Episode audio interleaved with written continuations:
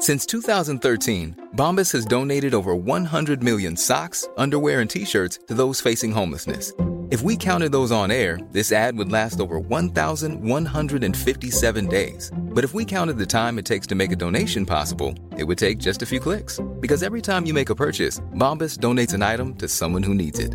Go to bombas.com slash ACAST and use code ACAST for 20% off your first purchase. That's bombas.com slash ACAST, code ACAST. Burrow is a furniture company known for timeless design and thoughtful construction and free shipping, and that extends to their outdoor collection. Their outdoor furniture is built to withstand the elements, featuring rust-proof stainless steel hardware, weather-ready teak, and quick-dry foam cushions. For Memorial Day, get 15% off your Burrow purchase at burrow.com slash ACAST and up to 25% off outdoor. That's up to 25% off outdoor furniture at burrow.com slash ACAST. Millions of people have lost weight with personalized plans from Noom, like Evan, who can't stand salads and still lost 50 pounds. Salads, generally, for most people, are the easy button, right? For me, that wasn't an option. I never really was a salad guy. That's just not who I am. But Noom worked for me. Get your personalized plan today at Noom.com. Real Noom user compensated to provide their story. In four weeks, the typical Noom user can expect to lose one to two pounds per week. Individual results may vary. Many of us have those stubborn pounds that seem impossible to lose, no matter how good we eat or how hard we work out. My solution is PlushCare. PlushCare is a leading telehealth provider with doctors who are there for you day and night to partner with you in your weight loss journey. They can prescribe FDA-approved weight loss medications like Wagovi and Zepbound for those who qualify. Plus, they accept most insurance plans. To get started, visit plushcare.com slash weight loss. That's plushcare.com slash weight loss. I'm amazed how many people own stocks. They, they would not be able to tell you why they own. They couldn't say in a minute or less why they own it. Actually, you really press them down, they'd say, the reason I own this is the sucker's going up. There's enough cash in the financial system, and there's an infinite amount of cash at the Federal Reserve, an infinite amount Put of cash. Put that check in a money market mutual fund. Then we'll reinvest the earnings into foreign currency accounts with compounding interest, and it's gone. So they had to do something. All they had left was just to print money and start buying things. And that's what they did. Quick buck artists come and go with every bull market, but the steady players make it through the bear market. They say money can't buy happiness. Look at the fucking smile on my face. Hej och välkommen till ett nytt avsnitt av Market Makers. Oj, vad ni har saknat oss. Tror du inte det Fabian? Det får man ju hoppas. Eller så tyckte folk, ah, fan vad skönt att slippa de grabbarna den här veckan. Exakt. Ja, vi hade tyvärr, vi fick ställa in avsnittet sista minut förra veckan på grund av sjukdom. Det är inte så mycket att göra åt tyvärr. Eh, jag tror att det var bättre att eh, ni fick tystnad än att eh, behöva lyssna på det i alla fall. Men den här veckan är vi tillbaks och det finns ju mycket att ta i kapp. Vi fick en kommentar om det på, på Twitter var det va? om att har ni lagt helt tech på hyllan? Det har vi absolut inte gjort. Framförallt är vi fortfarande väldigt exponerade mot tech, eller jag i alla fall, och vår bolagsportfölj. Du, du är Ja. exponerad på tech. Jag är väldigt exponerad mot energi. Och varit Precis, i men det är ju så att anledningen till att vi inte pratar så mycket case kanske och så mycket tech i podden är för att haft, vi har ju haft exceptionella veckor nu senaste tiden på börsen. Eh, först liksom allt det här med att inflationen verkligen är på riktigt, råvarupriser som skenar och på det får vi sen ett krig också, möjligtvis ett tredje världskrig. Så att, ja, det känns lite liksom konstigt att sätta sig och analysera ett eh, SAS-bolag när världen nästan står i brand. Så det är därför det blir väldigt mycket fokus på det. Och det kommer bli lite sånt fokus den här veckan också. Vi kommer prata framförallt försöka ta ikapp lite från vart vi står just nu i makroläget enligt oss. Då. Men nästa vecka lovar vi att vi är tillbaka med ett rykande färskt tech-case. Faktiskt inom eh, gaming tror jag och e- e-sport. Men kom ihåg, ingen rådgivning eller rekommendation sker i den här podden. Vi berättar bara om vår process och hur vi tänker. Ta aldrig något vi säger som lag, gör alltid din egen analys och glöm aldrig att alla investeringar är förknippade med risk. Ja, och vi hoppar väl in på veckans tre snabba här först. Eh, en av dem kommer bli betydligt längre och får bli nästan huvuddelen här i avsnittet. Men först tänkte jag bara snabbt nämna det här med vad snabbt det har vänt vad som är ESG och inte. ESG har ju varit liksom, det ska vara förnybara, förnyelsebar energi. Det har ju varit saker som gör världen bättre på olika sätt. Och många har ju hävdat att kärnkraft är ju fossilfritt. Kärnkraft är ju bra, varför inte det liksom med det här? Nej, det har ju ratats och lagts ner och så vidare. Nu har det, verkar det ha kommit fram att en del av de som har drivit den här verksamheten mot att lägga ner kärnkraft har ju varit ryska lobbyister som har liksom infiltrerat den europeiska världen. Eh, så att kärnkraft helt plötsligt nu har ju blivit inkluderat som någon form av ESG. Dessutom nu har man insett att försvaret är också viktigt. För det handlar inte bara, förut har man bara tänkt att alla som har jobbat med försvar till exempel Saab, ja, de tillverkar vapen, det är vapen som används i krig eh, och krig är inte bra. Nu helt plötsligt har man vänt sig och köpt då Saabs story om att nej, det här är inte krigs... Det är inte gjort för offensiver, det här är gjort för defensivt, eh, för försvar. Eh, och helt plötsligt har man insett att det finns kanske ett värde i att försvara demokratier och demokratiska värderingar och så vidare. Eh, försvara sig mot sådana som Ryssland. Ja, det visar ju vilken handviftning ESG har varit de senaste åren. I grund och botten en jättebra grej, men vi har inte haft någon liksom konkret mall för vad ESG faktiskt är. Och det innebär ju att allting som folk kan tycka är lite negativt, ofta på grund av typ Twitter-opinion, kommer hamna under ESG. Som du säger, försvar, nu är tydligen ESG. Men vi såg ju också till exempel för något år sedan, några år sedan, flera svenska fondförvaltare som till exempel skulle sluta handla med bolag som producerade olika typer av råvaror och metaller för det såklart, det, det, det är ju inte det bästa för miljön, men vill du skapa de här eh, grön, uh, den här gröna energin, ja då måste du få fram råmaterialet till det. Så det går ju inte ihop heller att du ska slopa råvaruproduktionen för en grön miljö, för då kan inte tillverka. Det blir jättekonstigt att säga att vi vill, inte, vi vill gärna ha investera i elbilar och solpaneler, men vi vill inte ta fram materialen som krävs för att skapa elbilar och solpaneler. Det visar hur mycket som bara har varit för show, utan snarare att det är någon tanke bakom det, vilket är otroligt irriterande. Ja, verkligen. Och nu har man ju dock switchat om det. Nu helt plötsligt tycker man ju då enligt EU att eh, kärnkraft i alla fall är eh, liksom ESG, det är grön energi. Så det ska ju tillåtas nu. Eh, vad pratar om att ga, naturgas ska räknas in där också. Det är lite märkligt. Men, eh, sen har det satt, gjorts enorma nu satsningar förstås på försvaret. Jag såg bland annat att Tyskland de ger ut nu, eh, tar upp ett lån på 200 miljarder euro för försvars och klimatinvesteringar. Man vill nu nå det här NATO-målet om 2% av BNP ska man lägga på sitt försvar. Eh, även EU i sig, då, den, den enheten, eh, ska lägga fram en plan nu för att man ska ge ut eh, obligationer för att då kunna finansiera just också återenergi och eh, försvar också för sina 27 medlemsstater. Eh, och jag såg en rätt rolig sammanfattning, en rätt rolig grej som satte huvudet på spiken tyckte jag. Och det var att den nya FANG är någonting helt annat. FANG som vi vet är ju Facebook, Amazon, Apple, Netflix, Google. Eh, men den nya FANG, vet du vad det består av Fabian? Du får gärna berätta. Då har vi F1, det är Fuels. Och det är inte så konstigt, de har gått jättebra förstås, all form av olja och naturgas och så vidare på grund av Ryssland då förstås och deras agerande. Eh, AF, jag, jag vill lägga in där, inte bara, det gick ju bra 2021 också för att vi hade en rådande energibrist. Absolut. För att man har ju helt... Sant. Ja. Eh, Sen första A är Aerospace och då handlar vi just om de här försvarssatsningarna som jag precis nämnde. Andra A är Agriculture. Vi pratade om det här om veckan, om Bungie och eh, det här med problemet med matbristen. Planeten behöver producera mer mat nästa fyra årtionden än vi gjort de senaste 8000 åren. N då, Nuclear and Renewables inom parentes. Då. Kärnkraften har blivit grön nu och nu ska alla satsa på kärnkraft för att man ska slippa det här beroendet av rysk naturgas och olja. Och sist G då, det är Gold, en metals slash mining. Och det är ju det, helt klart, guldet behövs som en safe haven.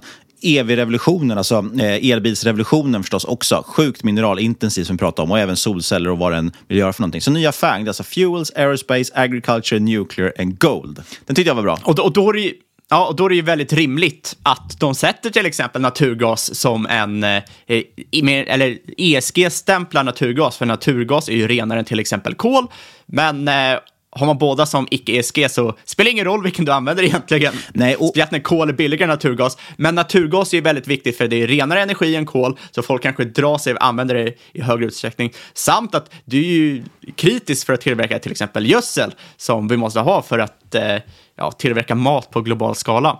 Och Det är det här som är problemet med lite med ESG-stämpeln, att det har ju blivit väldigt svart, och vitt, svart eller vitt. För att ja, absolut, kärnkraft kan man hävda att är inte liksom ESG, det är inte kanske liksom helt hållbart eftersom du får ett bränsle av det. Naturgas är absolut inte hållbart och framförallt inte koldioxidneutralt. Men det går ju liksom inte att ha en svartvit världsuppdelning för då blir problemet att okej, okay, men eftersom vi inte får använda dem, då, måste vi, liksom, då ska vi bara använda förnyelsebart. Ja, då, de räcker inte till och då eldar man kol istället. Alltså det blir jättetokigt. Så då använder man de två extremerna, alltså det som är jättebra och det som är jättedåligt i, i, i den här världen. Så det måste ju någonstans finnas en gråskala. Det är väl det som är problemet. Och då enda sättet att få nyttja de här sakerna som ligger lite mittemellan på skalan, det blir att klassa dem som gröna, fast de kanske inte är helt gröna. Då. Alltså, det är väldigt märkligt. Det är, som du säger, det är väldigt mycket greenwashing, att det handlar väldigt mycket bara om att få det att se bra ut. EU kommer ju ut också, tror jag. Jag tror att det är EU nu som kommer ut med en jättestor så taxonomi kring ESG också, vad, vad saker verkligen ska vara. Så det, förhoppningsvis kommer det bli lite bättre där också. Det är som vanligt, det är mycket bättre att vara pragmatisk än extrem. Så att det är bättre att gå över från kol till naturgas än att helt skippa allt fossilt för att förlita sig på grönt och sen visa sig ah shit, vi monterar ju ner det fossila alldeles, alldeles för snabbt. Och vi måste liksom gå tillbaka till kol, för det är det vi kan få tag i på så här kort notis. Och då helt plötsligt så ökar ju kolanvändningen för det har dragit ner på de fossila bränslena som kanske är, liksom har mindre utsläpp eller är bättre för miljön relativt sett. Och du hamnar i en jättekonstig situation. Så pragmatik är alltid att föredra. En annan sak som är lite extrem. Jag såg en rätt rolig, lite rolig statistik från Johan Ruslund på Twitter, duktig investerare, tidigare på GP Bullhound om inte jag minns fel och varit på mycket med techinvesteringar. Han nämnde att förra året listades det lite drygt 140 nya bolag i Sverige. Det var ju verkligen en, ett rekordår när det gäller börsnoteringar. Eh, och det är väl tyvärr så också. Det var väl lite det, en av de här signalerna som sa att ah, men nu kanske toppen börjar vara inne. Liksom. Att det, det brukar vara så när det är lite för lätt att få tag på kapital så ska man nog dra öronen åt sig. Och det var ju väldigt mycket en teckna säljhets, så att säga. Man tecknade sig liksom hur mycket man kunde för varje IPO som kom och sen så sålde man första dagen liksom för att eh, då gick de oftast upp väldigt mycket. Problemet var att sen har ju väldigt många av de här gått ner. Av de här 140 bolagen som noterades i Sverige förra året så står 65 procent lägre än den kursen de noterades på. Snittavkastningen, om man hade investerat alltså i en lika viktad korg i alla de här bolagen, så hade snittavkastningen varit minus 7 procent om man investerar här. Eh, så det är väl inte en jättebra avkastning kanske. I USA är hela 80 procent av alla bolag som listades under 2021 under sin IPO IPO-kurs nu, så det har varit ännu värre. Och det är också för att det var ännu extremare värderingar, vill jag hävda, i USA-noteringarna. Eh, och antalet IPO slog rekord 2021 och det här boostades framförallt av det stora antalet SPACs som noterade. Kommer du ihåg? Det var mycket SPAC-snack förr i tiden. Det var mycket SPAC-snack början på, var det början på 2021 eller var, ja, det måste ha varit början på 2021. Och jag vet ju själv, jag var inne där och veva och det var inte alla av dem som blev bra, även om det såg, vissa såg relativt billiga ut på en relativ värdering. Till exempel HIMS. Och eh, det visar sig att du kan ju verkligen inte satsa på en relativ värdering. Det är alltid absolut värdering som, som spelar roll. Verkligen. Det har väl varit den stora läxan för många under andra halvan 2021 och början på 2022. Att relativvärderingar är ointressant. Det viktiga är absoluta värderingar. Verkligen bra sagt. Eh, under förra året i alla fall listades 613 sådana här spackar eh, i USA och tillsammans tog de in 145 miljarder dollar. Eh, och givetvis, vilka är vinnarna på det här? Ja, det är förstås bankerna. Det är de som tjänar mest pengar på en IPO. Eh, framförallt är det väl Goldman och eh, till viss del JP Morgan som har dragit in de största summorna. Jag tror Goldman, de gjorde ibland noteringen av Coinbase. Eh, där tog man in nästan 30 miljarder dollar den noteringen. Så att, eh, ja, det blev nog en liten slant ner i fickorna på herrarna på Goldman. Det sista jag tänkte prata om det är lite kring recession. Är det en recession på ingång egentligen? Men eh, sen vet jag att du Fabian också har tänkt att snacka lite makro, så jag tänkte att vi hoppar vidare liksom till huvudsegmentet och så pratar vi istället en liten makroöverblick och slår ihop de här sakerna. Låter det bra? Det tycker jag låter jättebra. Ja, som sagt, vi fick ju den här frågan då, då. Har vi lagt tech på hyllan? Nej, absolut inte. Men det är en väldigt speciell marknad just nu och jag personligen i min portfölj, jag bryr mig mest om att hitta avkastning snarare än exakt vilken sektor det är. Det är såklart det är trevligt om man får avkastning via tech, men, eftersom det är väldigt intressant att läsa om tech. Men om det finns bättre avkastning någon annanstans så är det klart jag kommer vikta portföljen ditåt. Men så jag tänkte vi ska gå in lite på det här. Kommer vi se fortsatt inflation? Kommer vi se en möjlig recession? Det är mycket som talar för liksom båda läger här nu. Ja, jag såg att eh, Goldman Sachs, eh, som precis nämnde för övrigt, de säger att det är 20 till 35 procents chans för en recession i USA inom det kommande året. Och bli, blir det recession i USA så är det stor sannolikhet att det blir recession i Sverige också. Absolut, och fram, framförallt så är det ju så att EU ser ju, eller, och Europa ser ju betydligt svagare ut än USA. USA är de som ser starka ut i det här som antagligen eh, ser bättre ut. Ja, ja, exakt. Och eh, för några veckor sedan så satt ju Jerome Powell, alltså chefen för Fed, han satt i en så kallad senator testimony och ja, man blir förhörd av senatorer i USA. Och där fick han frågan, Paul Walker, alltså Fed-chefen 79 till 87, höjde räntan så pass mycket 1980 att han startade en recession för att bryta den starka inflationen. Kommer du också behöva göra det här? Och det svarade, till det svarade Paul ja. Och tidigare har jag sagt i podden, eller vi sagt i podden, att vi inte trodde att det var tro, eller att vi inte ansåg det att det var trovärdigt att Fed skulle höja så pass mycket som var inräknat eftersom det då var risk att skapa en recession i USA. Men nu är det ju rätt sannolikt att det kommer att hända. När Paul sitter, snackar med senatorerna, de frågar kommer det behöva höjas så mycket som på 80-talet på grund av inflationen, vilket skapar en recession, och Paul säger i stort sett ja, jag kommer antagligen behöva göra det här. Då är det liksom lite svart på vitt att det är väldigt stor sannolikhet för eh, en recession. Och då tycker jag att man verkligen man ska se det från Pauls sida. Vad är värre? Att börsen faller 20, 30, 40 procent till? Eller att USA och resten av världen har en långvarig 10 procent inflation? Det innebär ju att priser dubblas på sju år. Och just nu ligger de officiella siffrorna på strax under 8 procent. Och här ska man ta hänsyn till att 40 procent av amerikaner, de har mindre än 1000 dollar på sparkontot. De äger inte sina hem, de har inga aktier och så vidare. Så det här som har hänt under 2020-2021 när, aktier, eh, när marknaden bara går rakt uppåt, det har de stått utanför. De har inte fått ta del av det här.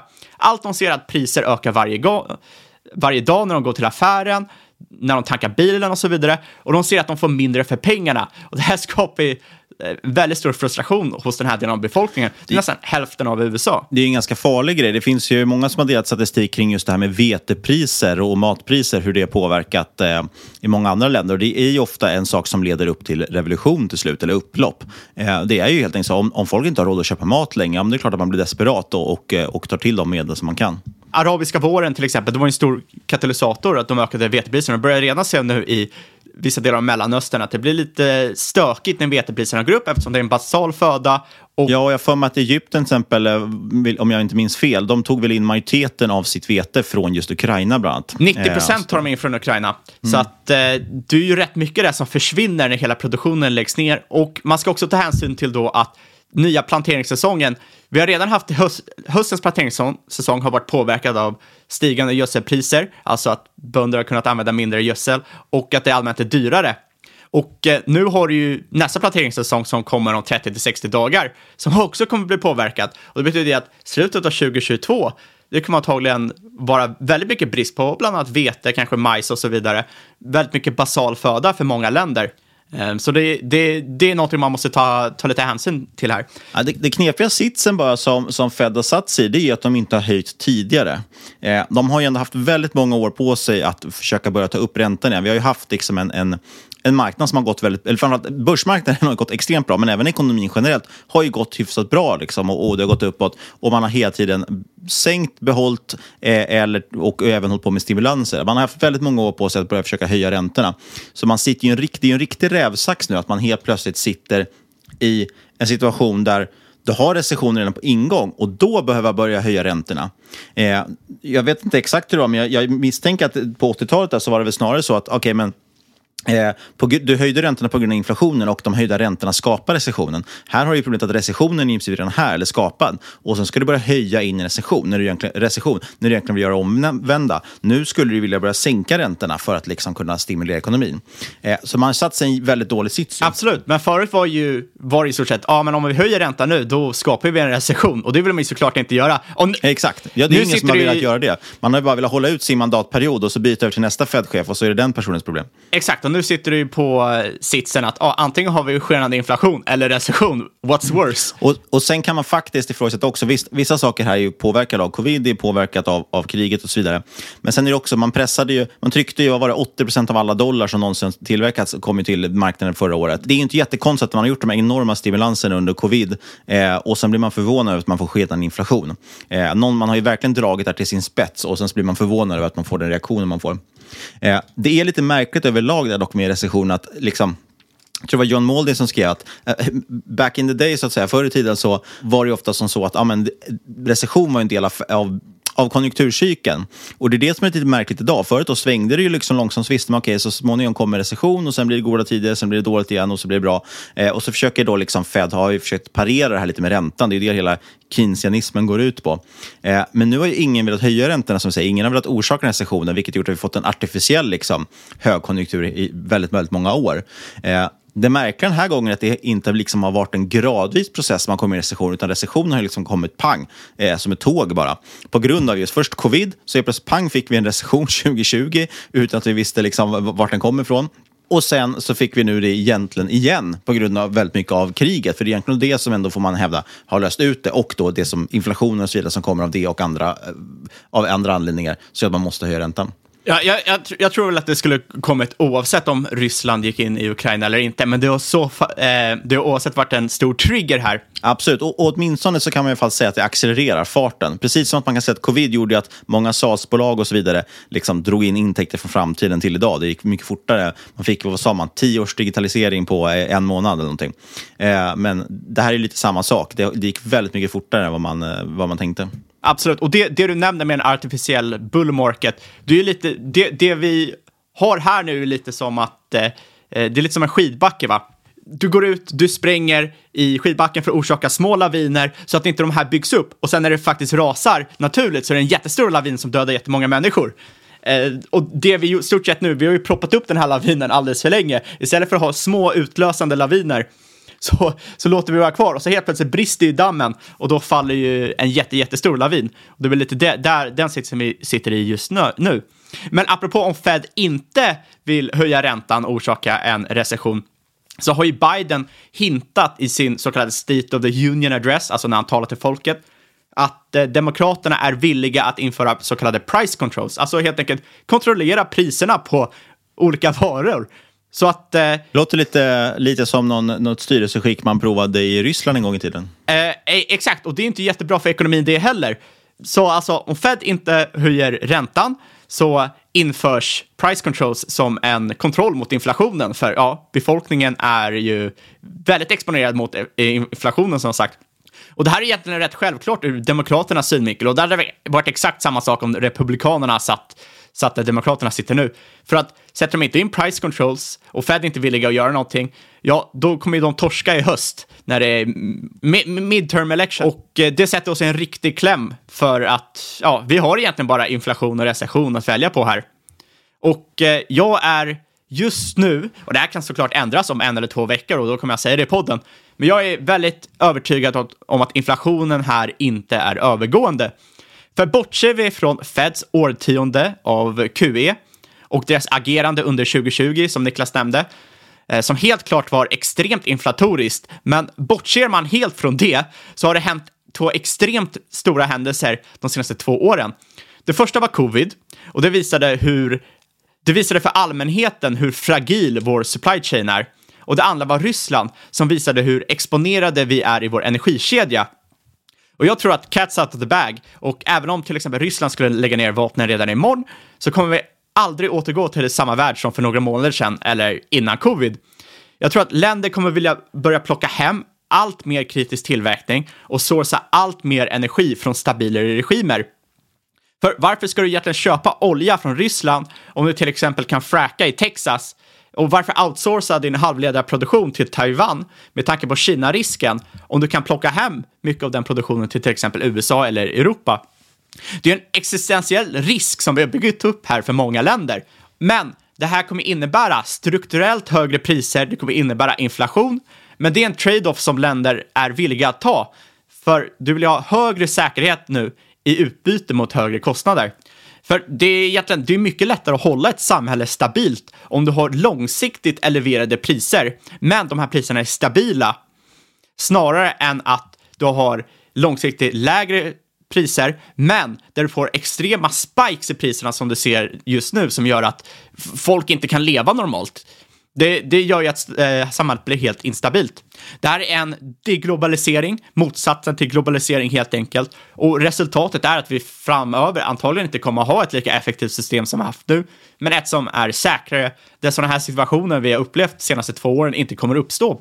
Och det ska ju nämnas, det är väl kanske det som har drivit på det, för att som du säger, det man har gjort från Feds håll och andra centralbanker de senaste åren har, ska ju liksom, enligt regelboken vara väldigt inflatoriskt. Man trycker mer pengar, man har låga räntor, men vi har inte fått inflationen. Och en stor anledning till att vi inte har fått det är ju för att samtidigt har vi haft en globalisering som verkar emot det. Eh, och också en, en, demografisk fråga. Men, men framförallt globaliseringen har gjort det. Så eftersom vi kunnat flytta produktionen hela tiden till billigare länder så har man ju lyckats kunna liksom hålla ner inflationen eh, genom att saker blir billigare. Och det där håller jag, håller jag med dig helt om. Jag tror också att jättemycket kommer man försöka flytta hem. Eh, det är bara en sån sak som att så, men nu startar vi upp kärnkraft igen, kärnkraftverk igen. Eh, jag menar, I Sverige, jag tror att vi har 20 procent av alla Europas eh, eh, råvarureserver, eller råvarufynd, finns egentligen i Sverige. Vi tar inte upp det bara. Eh, och samma sak med väldigt många av de här olika intressanta metallerna som man vill ha, och mineralerna.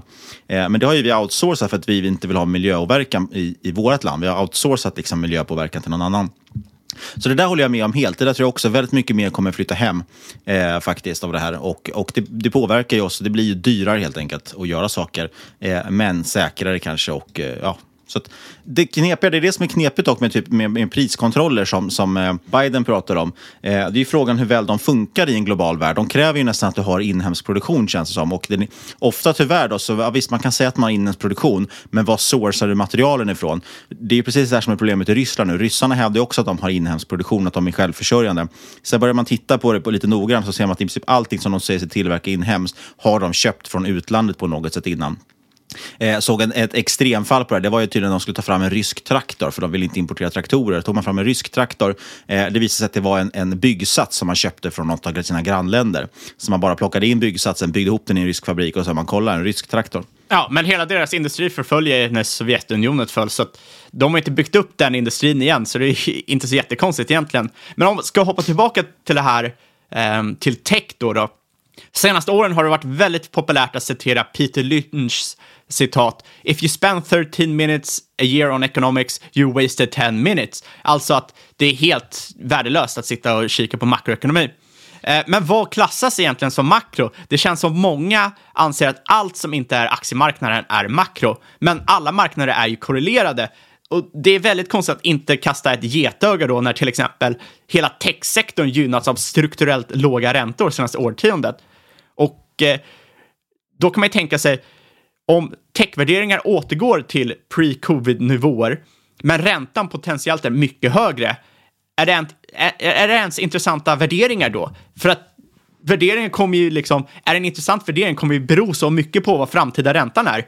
Så att ser du liksom ett bolag som har PS3 nu, som hade PS3 innan covid, är det ens samma sak? Jag tror inte det, just för att potentiella räntehöjningarna är så pass höga. Ja, vi kommer in i samma sak där. Man har ju använt väldigt mycket relativ värdering. Man har ju motiverat att PS10 på det här bolaget är okej, okay, för det där värderas ju till PS15. Eh, och det funkar ju inte. I slutändan så är det absoluta värderingen som är intressant. PS15 är alltid dyrt. Och då, då måste man ta hänsyn till vad framtida räntan är här. Och det gör ju att någonting som kanske ser ut att ha samma värdering nu som det hade 2019, inte alls har samma värdering. Eh, och det tror jag att många kan, kan liksom falla på. Och sen ser vi massor med andra tecken i, i marknaden som jag, jag tycker personligen är jätteintressant att kolla på. Vi har ju sett att VIX har varit på en liksom, 12-year high. Eh, första gången någonsin... Och det är volatilitetsindex ska vi tillägga. Så man, I princip ett mått kan man säga på hur stökigt det är på börsen, hur mycket det rör sig. Vi, vi har för första gången någonsin sett en yield curve inversion. Eh, före Fed faktiskt höjer räntan, det brukar oftast komma under eh, tiden Fed höjer räntan. Precis, och det är ju en invertering när, när de korta räntorna eh, och de höga, långa räntorna eh, byter plats med varandra, vilken som är högst helt enkelt. Det brukar ju vara en klassisk recessionsindikator, att när man ser det att när, när man ser att korta räntor blir högre än långa så brukar det vara ett tecken på att man har en recession på ingång. Ja, och vi ser andra tecken också på systematisk stress. Eh, priset på CDSer, alltså credit default swaps, har börjat spika, alltså går upp rätt rejält. Visst, de är inte lika höga som till exempel 2020, men det är alltid liksom någonting man borde ha koll på eh, om, om, man är intresserad av det, för att det ger ju liksom någon typ av integration vad marknaden tror risken för eh, konkurs är. Precis. Sen, sen, är det väl grejen så här, just nu har vi sett så mycket tecken på det. Sen är, marknaden är ändå framåtblickande. Det jag funderar på, som ändå försöker vara lite positiv, det är ju hur mycket som redan är inprisat. Eh, jag såg något annat också, det, det brukar också vända när det ser som värst. Jag såg att Consumer Conference, alltså egentligen hur, hur bekväma konsumenter känner sig med ekonomin just nu, eh, den har gått ner till en 40 års lägsta. Eh, så att folk tror liksom att eh, de ser att de får inte så mycket löneförhöjningar, de ser att inflationen gör att det blir svårare att leva, så att folk tycker att det kommer, tror att det kommer bli väldigt mycket mycket tuffare framåt. Ja, exakt. Frågan är också liksom hur mycket börsen faller på en recession egentligen. Eh, jag kikade på ett snitt de senaste, vad blir det då, 15 recessionerna i alla fall. Så ser man att medianen ligger på runt 24 procent. Någonstans brukar börsen gå ner mellan, låt säga mellan 20 till 30 procent. Med undantag liksom typ för dotcom-bubblan, där gick ner nästan 50 procent och finanskrisen gick ner 60 procent. Men det är ju riktiga extremfall. Jag tycker, tror inte att det ska bli samma sak igen. Under corona gick det ner runt drygt 30 procent. Vi kan ställa det i relation då, så att om, om låt säga att det ska i snitt gå ner någonstans 20-30 procent. Just nu har det gått ner ungefär 10 procent om vi tittar på S&P 500. OMX30 ligger någonstans där också. Det är för att det har studsat nu lite också de senaste dagarna. Eh, Nasdaq dock ner minus 20 procent och är officiellt då i liksom bear market-territorium som det så fint heter. Och som vi har tjatat om om och om, om igen så är det ju många enskilda bolag är ju ner 60-70 procent. Eh, framförallt just olönsam tech och med höga värderingar.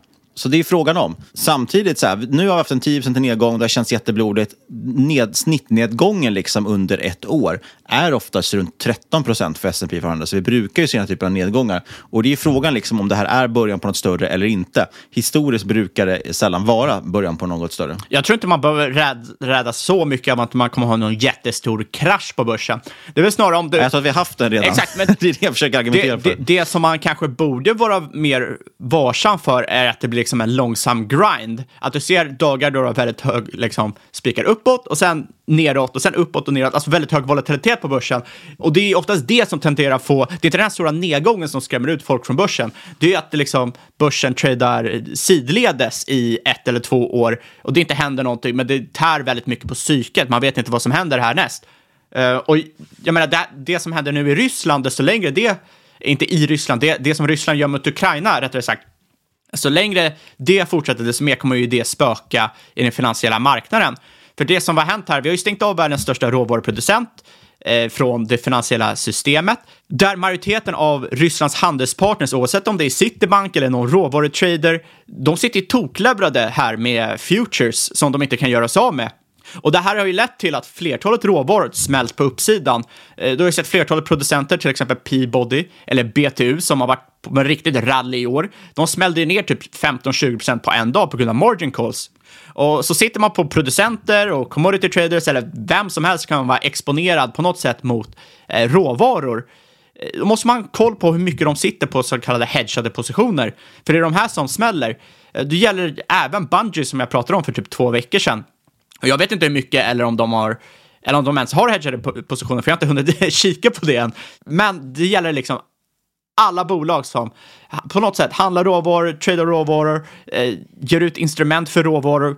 De här försäkringarna smäller och det är resultatet av de här drastiska åtgärderna. är Ett system som bygger på rationell och en fungerande marknad. Så att när, när du tar bort vissa spelregler så tenderar rätt drastiska saker att hända. För det som har hänt nu är att vi har tagit bort över 500 miljarder i FX-reserver från systemet. Du har ju liksom lika mycket skulder har vi helt liksom försvunnit. Du har tagit bort kreditlinor till företag, eh, möjlighet till leverans och betalning. Du kan inte posta mer kollateral. Du kan inte sälja av dina positioner om du är exponerad mot Ryssland till exempel. Och då finns det rätt mycket unknown unknown som kan inträffa. Ryssland är bara 5% av global BNP, men de är väldigt mycket större spelare inom råvaror och i stort sett alla bolag behöver ju råvaror. Det är rätt enkelt att tänka sig, ja men Google behöver inga råvaror. Ja, de behöver ju råvaror för att kunna tillverka till exempel servrarna som sitter bakom. Ja, och alla anställda datorer för övrigt. Alltså, visst, kod är ju inte någonting som kräver råvaror, men du måste skriva, fortfarande skriva koden på en dator. Och som du säger, serverhallarna är ju svåra att bygga om du inte får tag på datorer till dem. Exakt, så många, många när de tänker råvaror så tänker de ju bara på till exempel Shell och det är kanske de som skulle påverkas mest av de här eftersom de sitter på till exempel eh, hedgade positioner. Men Eh, det, det, det är egentligen ett spindelnät som breder ut sig över hela världen. Och det här kan eventuellt vara en liten underskattad risk av marknaden. Att man har liksom, man har inte prisat svansen helt rätt. Eh, för oftast så sitter man ju prissätter utifrån rimliga scenarion. Och då prissätter du inte de liksom väldigt orimliga scenarion, extremiteterna. Och det är det man såg till exempel 2008, 2018, 2020 att du tänker, ja det här kommer inte hända så att eh, vi behöver inte liksom, vi betalar inte för den risken och så helt plötsligt så händer det och då händer ju saker, liksom, då, då smäller det rätt rejält. Ja, jag måste bara, annars kommer vi få något mejl om det. Du sa extremiteter, det är ju någonting helt annat än extremfall som jag tror du menade. E extremfall, eh, eh, eh, exakt. Extremiteter har vi inte, brukar vi inte prata så mycket om i den här podden.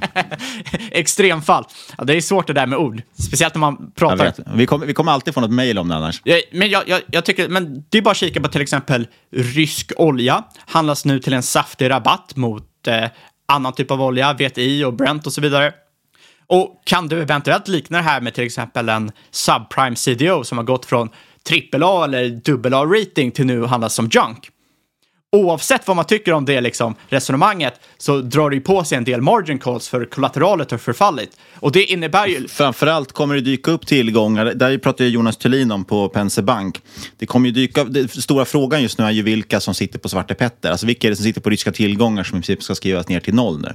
Exakt. Eh, Och- det är ju exakt samma som man hade under finanskrisen. Nu menar inte jag likna dem i övrigt, men det är samma typ av situation att man måste hitta okay, vilka är det som sitter på det här, de här skräp, liksom, tillgångarna just nu och vilka kommer skriva ner till noll och vad får det för påverkan. Det är det här som jag tror alltså, är det stora. Jag tror kanske inte att volatiliteten, den här extrema volatiliteten kommer bli liksom så pass långsiktig, utan det handlar ju någonstans om att det blir ju alltid extrem volatilitet i ett fall när man får väldigt många okända faktorer eh, och man vill veta okay, vad är vi på väg in. Okay, vi, vi kanske är på väg in i en recession, vi är med stor sannolikhet är det. Eh, vi har ett krig, vad kommer hända med det? Eh, vi har inflation, vad kommer hända med det? Så det är väldigt många saker samtidigt som är oroliga som man funderar på vad kommer hända med dem. Och då är det klart att, att då vet folk, eller inte marknaden, vilket håll den ska, vad den ska prisa in. Per, det, det var perfekt sagt. Det var mycket bättre sammanfattat än vad jag själv skulle göra det. För det är exakt det som hände i, liksom, under 08-krisen. att Hela marknaden frös ju till, för du vill inte handla med någon, du vill inte ta i någon, för att du visste ju liksom, om jag handlar med den här personen och min motpart sitter på en svarta petter som kan göra att ja, de är i en risk för kollaps. Just nu tror vi inte att det är liksom några systematiska spelare här, några viktiga banker och så vidare som är i risk för kollaps. Men det kan ju eventuellt finnas, vad, vad vet vi? Eh, City till exempel relativt exponerade mot Ryssland. Då helt plötsligt säga, om jag då handlar med dem och de går under, då kan ju eventuellt jag gå under. Och när marknaden fryser till is, det är då rätt drastiska saker kan hända. Och eh, saker tenderar ju att bli värre innan de blir bättre. Och eh, situationen just nu när vi spelar in 16 mars ser inte direkt ut att bli bättre. Det känns som liksom, eh, det, det, det, det, det eskalerar. Och eh, ja, då är det inte liksom, re, liksom orimligt att se att eh, saker eskalerar i marknaden heller.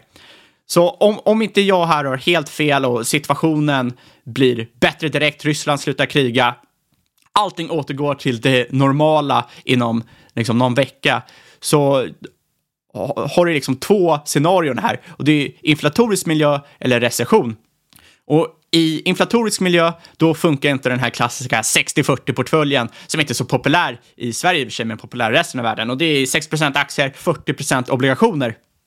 Och tanken där är ju att när aktier går ner så går obligationer upp och tvärtom. Men Eh, de här bör ju korrelera i inflatorisk miljö. Kikar man på 70 80-talet, ja, då, eh, då, då när aktier gick ner, då gick obligationer också ner och när aktier gick upp, gick obligationer också upp. Så de är ingen bra hedge mot varandra.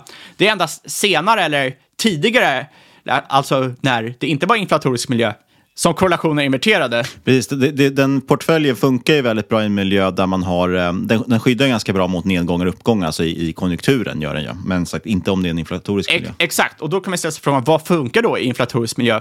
Eh, råvaror, energi, reella tillgångar, alltså saker du kan ta på. Och eh, då är det inte helt orimligt att man tror att det kommer fortsätta vara en sektorrotation med tech ned, industri, råvaror upp. En liten grej man kan slänga in där, för jag, ibland vet jag att folk klammar, klämmer in eh, vad heter, bostäder och fastigheter, det här med reella tillgångar. Det tror jag man ska vara lite försiktig med, för att framförallt så bygger ju de väldigt mycket på, speciellt många av de här eh, yngre bolagen som, som belånar så mycket, de bygger ju mycket på belåning och är väldigt räntekänsliga. Eh, och speciellt om man, typ som SBB till exempel, eh, en stor del av deras resultat, de pratar ju om EPS och vinst per aktie, vilket är ett konstigt fastighetsbolag. Eh, där, där liksom i deras VP, VPA eh, så är det ju dock framförallt uppskrivningar av värdena på deras fastigheter. Och de här värdena kommer ju antagligen gå ner om räntorna går upp. Eh, eh, exakt, så har du i stort sett alla bolag med hög hävstång kan ju påverkas rätt ordentligt. Däremot så tror jag, när man återgår till tech, så tror jag att asset light-bolag enligt Buffett, det tror inte jag kommer prestera helt tokigt heller. Bolag som Microsoft och Google som egentligen, de representerar ju USAs ekonomi. Och på en relativ basis lär de gå rätt bra då. Sen kikar man på andra techbolag som är ner 60, 70, 80 procent från toppen. De kanske eventuellt också kan vara intressanta. Det kanske inte direkt är köpläge just nu, men jag tror att det lutar mer åt köp än åt sälj i de här bolagen. Eh, och då gäller det att tänka sig, vad skulle liksom, bolag och konsumenter inte säga upp vid inflation. Och för bolag är det, liksom, det, det är ju produkter som fokuserar mot säkerhet, infrastruktur och så vidare som är kritiska för andra bolag att faktiskt fungera. Sånt som det egentligen inte finns någon trade-off till att eh, säga upp. Men det som däremot kan ta mycket stryk, det är ju Eh, förutom då fastigheter, det är väl banker och financials. De har ju hög hävstång, de är väldigt beroende av en stabil ekonomi och en funktionell och rationell marknad. Och nu har vi ingen funktionell och rationell marknad. Och eh, när du ändrar spelreglerna på det sättet så tenderar sådana här bolag inte fungera jätte, jättebra. Men man ska också påpeka att i den här typen av miljö är det väldigt svårt att hitta absolut styrka. Det är snarare relativ styrka som gäller. Vad menar jag med det? Ja, du kanske inte ser jättehög avkastning, det, men det kanske är högre avkastning än börsen som helhet eller andra aktier som helhet.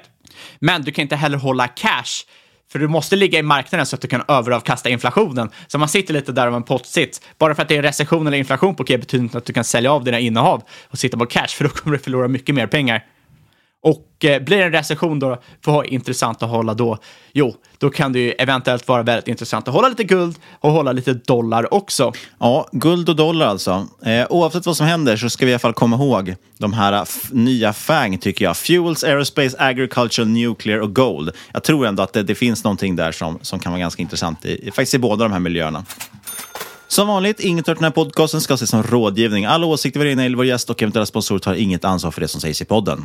Tänk på att alla investeringar är förknippade med risk och sker under eget ansvar. Kontakta oss jättegärna på podcast.marketmakers.se eller på Twitter at marketmakerspod. Och lämna jättegärna en recension på iTunes och berätta för dina kompisar och din granne om att lyssna på podden. Sist men absolut inte minst, vad vill vi göra då Niklas? Vi vill säga stort tack för att du lyssnat, kära lyssnare. Vi hörs igen om en vecka.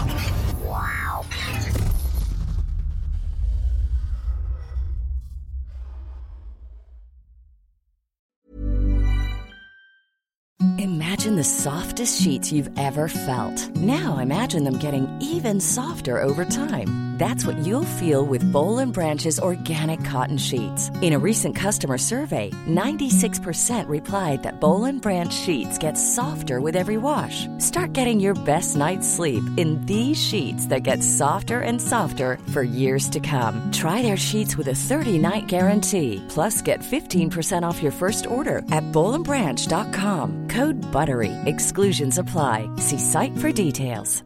Mom deserves the best, and there's no better place to shop for Mother's Day than Whole Foods Market. They're your destination for unbeatable savings, from premium gifts to show-stopping flowers and irresistible desserts. Start by saving 33% with Prime on all body care and candles. Then get a 15-stem bunch of tulips for just $9.99 each with Prime. Round out Mom's menu with festive rosé, irresistible berry chantilly cake, and more special treats. Come celebrate Mother's Day at Whole Foods Market.